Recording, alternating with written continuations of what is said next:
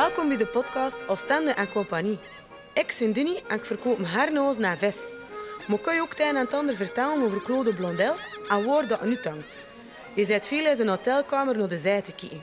Maar nu is het buiten. Strang op. Alhoewel, staat de ferme bries en jij is weer in binnen in een cafeetje op de dik. In die episode 6 vertelt Claude over een paar grote schrijvers die hun inspiratie bij de zij en Oostende haalt.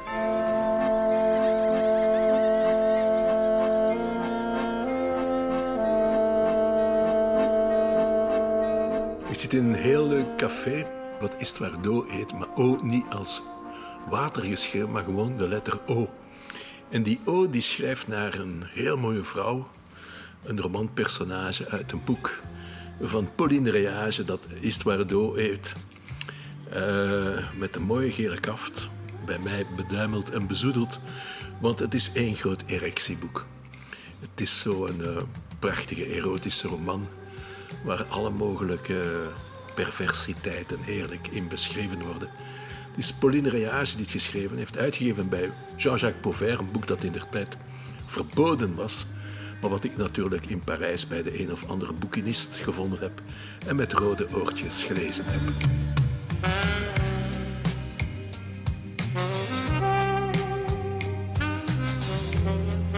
Maar nu, gaan het niet hebben over mijn fantasmes en mijn voorkeur voor erotische literatuur, maar voor literatuur te koer. En ik heb drie boeken uitgekozen, drie boeken gevonden, waar Oostende een grote rol in speelt.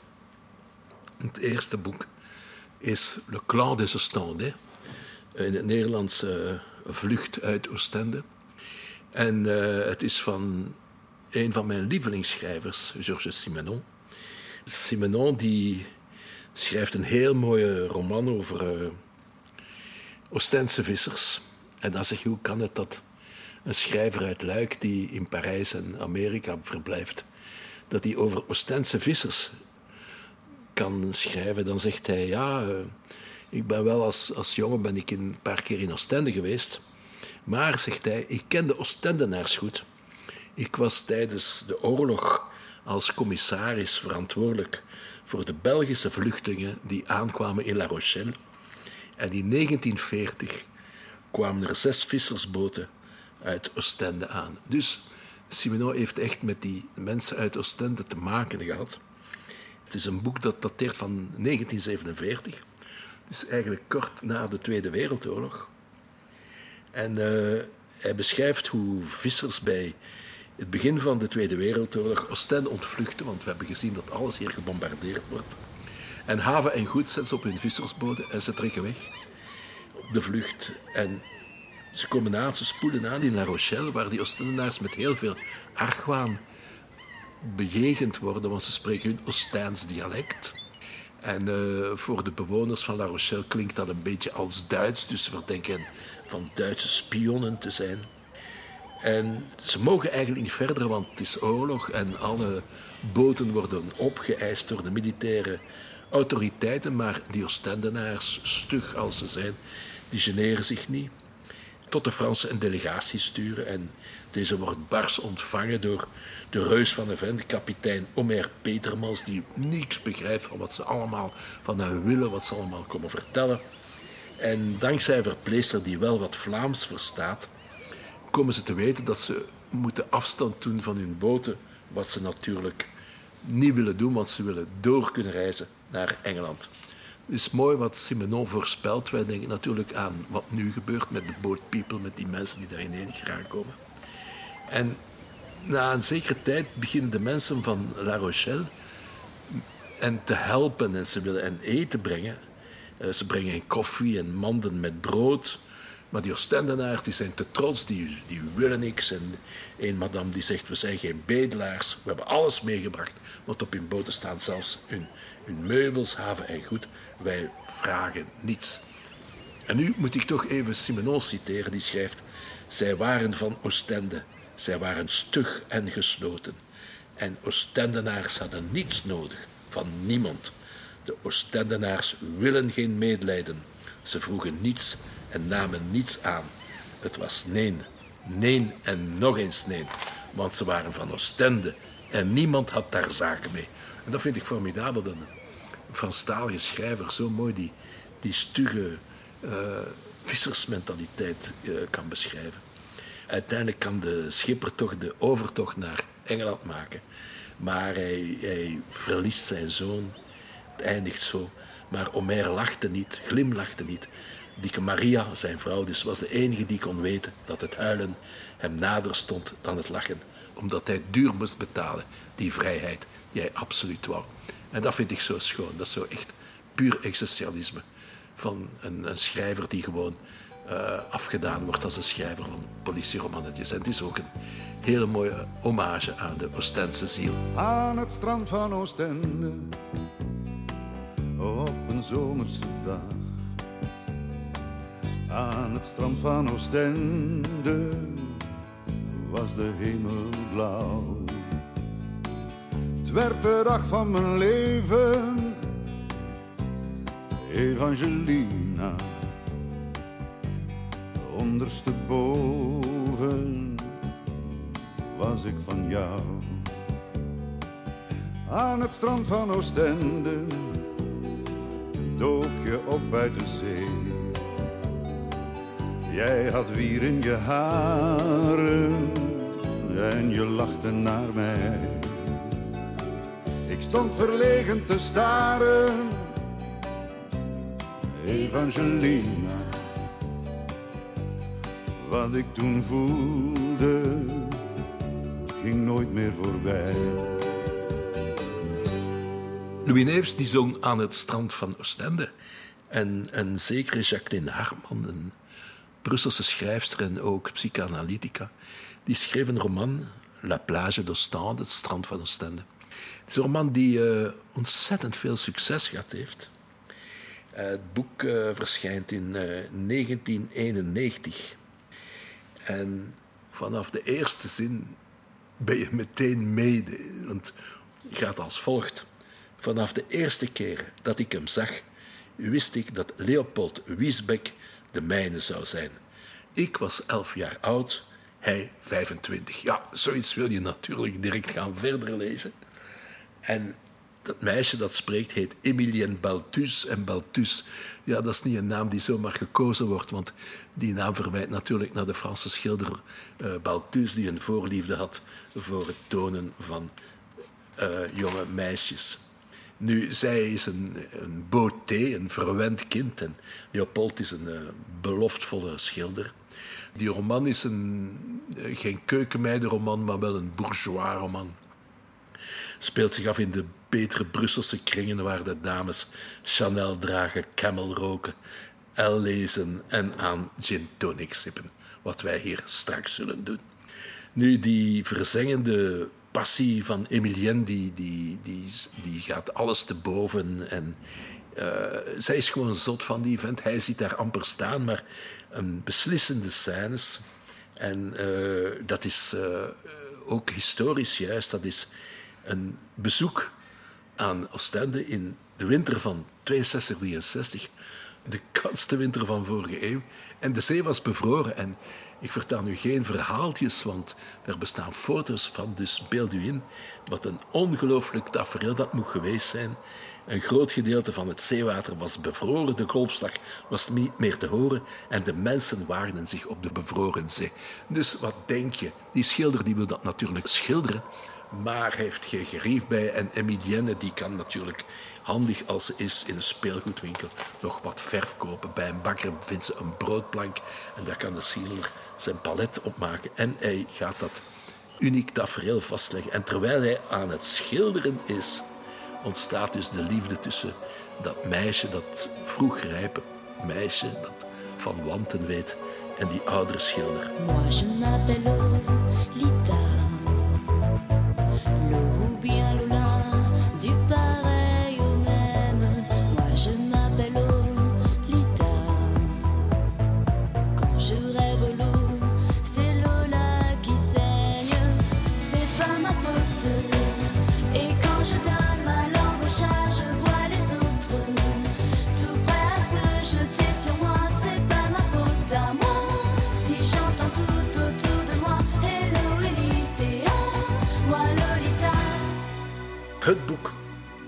Liefst van al heb, ondanks mijn grote bewondering voor Simenon, is een boek dat ik toevallig ontdekt heb bij het lezen van een boek over België, Dictionnaire amoureux de la Belgique, van Albert Barognan. En die heeft het over Corman, waar hij een boek gevonden heeft, Flamand des Vagues, in het Nederlands Vlaming Houzee van Jan van Dorp. Ik vind dit het mooiste boek dat er over Oostende en de zee geschreven is. Een echt avonturenroman. Nu, is het wel opmerkelijk dat zo'n mooi boek van een Vlaamse, van een Belgische schrijver, dat het helemaal vergeten, zelfs een beetje verdoemd is. Het is een cultroman geweest uit de jaren 50, maar het is in de vergetelheid geraakt en dat heeft te maken met het oorlogsverleden van de auteur, namelijk Jan van Dorp, pseudoniem van Oscar van Godsenhoven, die geboren is in Genève van een Belgische vader en een Zwitserse moeder, studeert in Frankrijk, komt in België en vindt er werk als sportjournalist. Maar tijdens de Tweede Wereldoorlog werkt hij mee aan Le Nouveau Journal en La Legia. Dat zijn twee Luikse collaborerende kranten. Dus pure uh, collaboratie met de vijand. En vandaar dat dat boek echt uh, in de vergetelheid geraakt is. Nu, dat boek dat beschrijft uh, het levensverhaal van een Oostense kaper. We zitten in de 17e, 18e eeuw. Voor wie van de zee en ook van varen en van, van uh, het avontuur houdt, is dit echt een, een boek dat je verslindt. Want het gaat over Marinus de Boer. Pas op, Marinus de Boer is een kaper, geen zeerover. Geen piraat. Een kaper is een kapitein van een schip dat met toestemming uitvaart om vijandige schepen aan te vallen en de lading in beslag te nemen. Dus die Marinus de Boer is eigenlijk fictief, maar gans die roman is geschreven met zoveel know-how, zoveel kennis van zaken die echt weten hoe je een touw moet knopen, hoe je een zeil moet hijsen, dat je echt uh, dat meer ziet als een meeslepend document over die buitengewoon spannende Oostense epoche, want de auteur zelf was een heel ervaren uh, zeeman. Hij, had een privéboot, hij ging daarmee de zee op. Nu, die die gaat zelf varen. En eigenlijk begint hier dan het verhaal.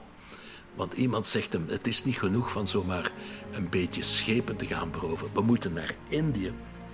En uh, hij vindt iemand die hem geld leent. En met zijn gezellen sticht hij een vereniging. Die zal een voorbeeld zijn van de Oostense Compagnie, die dus de grote zakenreizen doet naar Indië en de Oostense Compagnie. Daar heb ik mij natuurlijk ook op geïnspireerd voor de titel van deze uitzending en van mijn boek.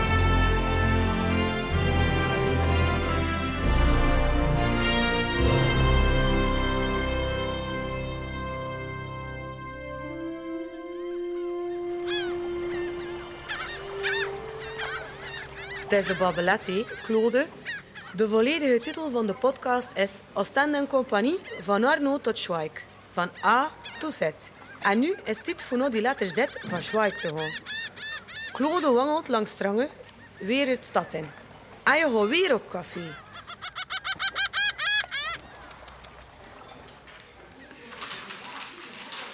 Na onze tocht op het strand ben ik blij dat we in Hotel du Parc koffie kunnen drinken.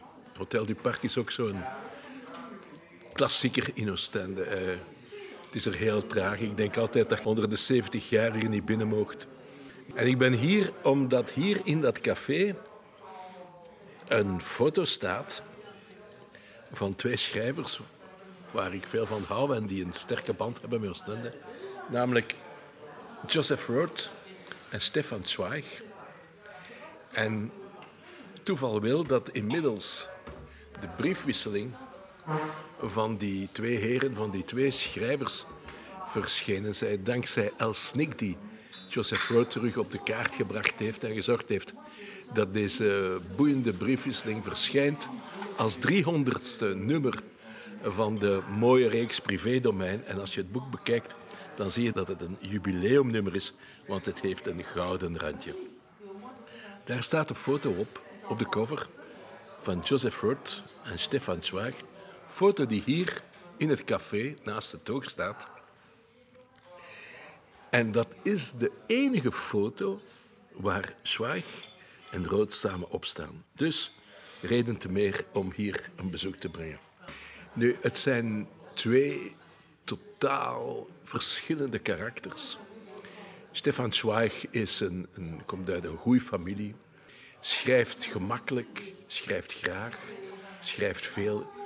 Soms een beetje te veel, vind ik, want ik vind dat hij biografieën geschreven heeft die meer een ophemeling zijn, een hagiografies, die niet zozeer uh, wetenschappelijk ondersteund is. Maar hij is bijvoorbeeld verliefd op de boeken van Balzac of verliefd op Verharen. Hij schreef dan daarover heel lyrische, bijna heel lyrische romans. Hij heeft ook historische biografie geschreven. Maar het sterkst van al is hij in zijn psychologische romans. En de, de analyse van de, de vrouwelijke psyche is daar heel mooi in. Zeker voor die tijd. Uh, het is tijdsgebonden. Het is de tijd van Sigmund Freud. Het is de tijd van Thomas Mann. Het zijn allemaal mensen waar hij mee bevriend was. Hij is een hele chique heer. Uh, schrijft met purperen inkt. Verzamelt uh, manuscripten. Heeft bijvoorbeeld het handschrift van Goethe. Heeft ook een van de veren waar Goethe mee schreef. Gewoon om te zeggen dat ja, hij heeft meestal een wit kostuum aan. Een dandy heeft ook altijd mooie vrouwen. En als hij ze beu zijn, neemt hij jongere vrouwen. Het is iemand die uh, kapot gaat aan de opkomst van het nazisme. En hij is bevriend met Joseph Freud. Hij herkent, hij is een van de eerste die in Joseph Freud de grote schrijver herkent. Ik heb al sinds ik 17, 18 jaar ben, heb ik uh, Zweig verslonden. Omdat dat vooral uh, vrouwenhistorisch waren. En Rood heb ik later ontdekt. Rood heb ik ontdekt via de cinema. Een film, een mooie film, De Ballade van de Heilige Drinker. Een film met Rutger Hauer. En ik had zelden een film gezien die zo mooi het probleem en de, ook de vreugdes van het drinken uh, beschreef. En bij de aftiteling zag ik dat dat gebaseerd was op een novelle van Joseph Roth. Ik zeg, ja, dat, dat, is, dat is een soul brother van mij, uh, dat moet ik gaan lezen. En ben meteen begonnen met de Radetzky-mars en nadien zijn andere boeken. Uh, Joop, hij is Jood, heeft dus boeken met bijbelse inslag geschreven. Karakterieel en ook in zijn privéleven is Joseph Roth net het tegenovergestelde van Stefan Zweig. Hij schrijft moeilijk en heeft niks anders dan malheuren. En dat is zo pijnlijk als je die briefwisseling leest. Die man die doet niks anders als klagen, om geld vragen, zeuren. Het is een echte zielenpoot. Hij kan niet met geld om, hij kan ook niet met zichzelf om. Je hebt natuurlijk het probleem van het drinken. Hij is ook altijd ziek. Hij heeft uh, altijd keelontstekingen, hij heeft gezwollen voeten. Hij, soms is hem half blind. En het ergste van al, en dat is natuurlijk een dooddoener, heeft hij een vrouw die... Zijn vrouw, zijn echtgenote, is ziek, is zenuwziek, moet in instellingen verblijven. En dat gebruikt Joseph Rood aardig om aan de drank en aan de boemel te gaan. En dan is altijd één uh, treurzang om geld. Maar het is wel, uh, wel heel mooi hoe dat die twee tegengestelde karakters elkaar aanvullen. Want intelligent als Zweig is, denk ik dat hij beseft dat Joseph Roth, en ik, ik vind dat ook eigenlijk een grotere schrijver is dan hij zelf.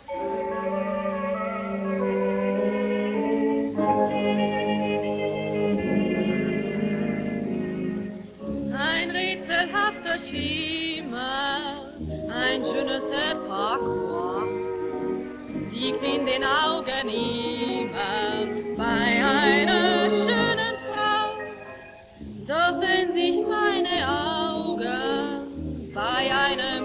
einem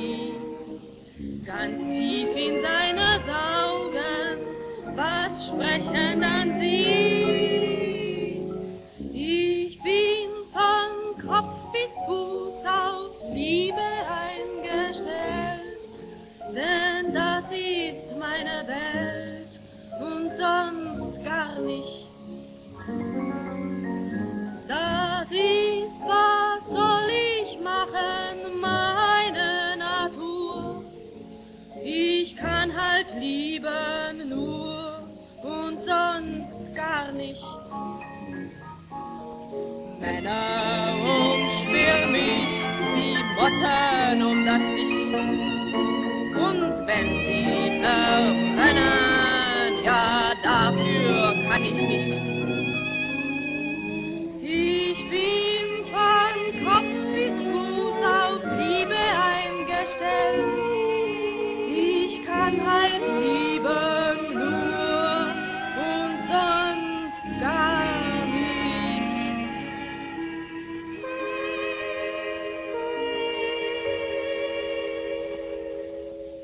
Grote drama voor beiden is natuurlijk de opkomst van het nazisme. En in 1932 voelen zij al dat de wereld om zeep is. Zweig ziet dat zijn eigen boeken verbrand worden. Eh, hij zegt, ja, ik vind het echt, maar ik vind het... Aan de andere kant ben ik fier dat ik daar op de brandstapel lig in het gezelschap van Thomas Mann. Ze zijn ook altijd onderweg. En Zweig reist heel veel, komt naar België, ontmoet James Ensor en belandt in Oostende. Joseph Roth zit op dat moment in Brussel en hij kan, hij denkt, ja, die zeelucht zal hem misschien deugd doen. En hij kan Joseph Roth overhalen om naar Oostende te komen. Dus ik belandde in Oostende, logeren in Hotel de la Couronne, wat niet meer bestaat, wat nu een matrassenwinkel is. En eh, ja, ze, ze zitten veel op café. En eh, wanneer ze aan Joseph Rood vragen waarom hij niet in het water gaat, zegt hij, ja, de vissen komen toch ook niet op café zitten, dat is zo'n dooddoener van hem. En ze schrijven hier en eh, ze hebben het hier eigenlijk goed. Rood probeert van sterke drank af te blijven en eh, drinkt alleen wijn. En, ja, het is een heel, heel mooie vriendschap.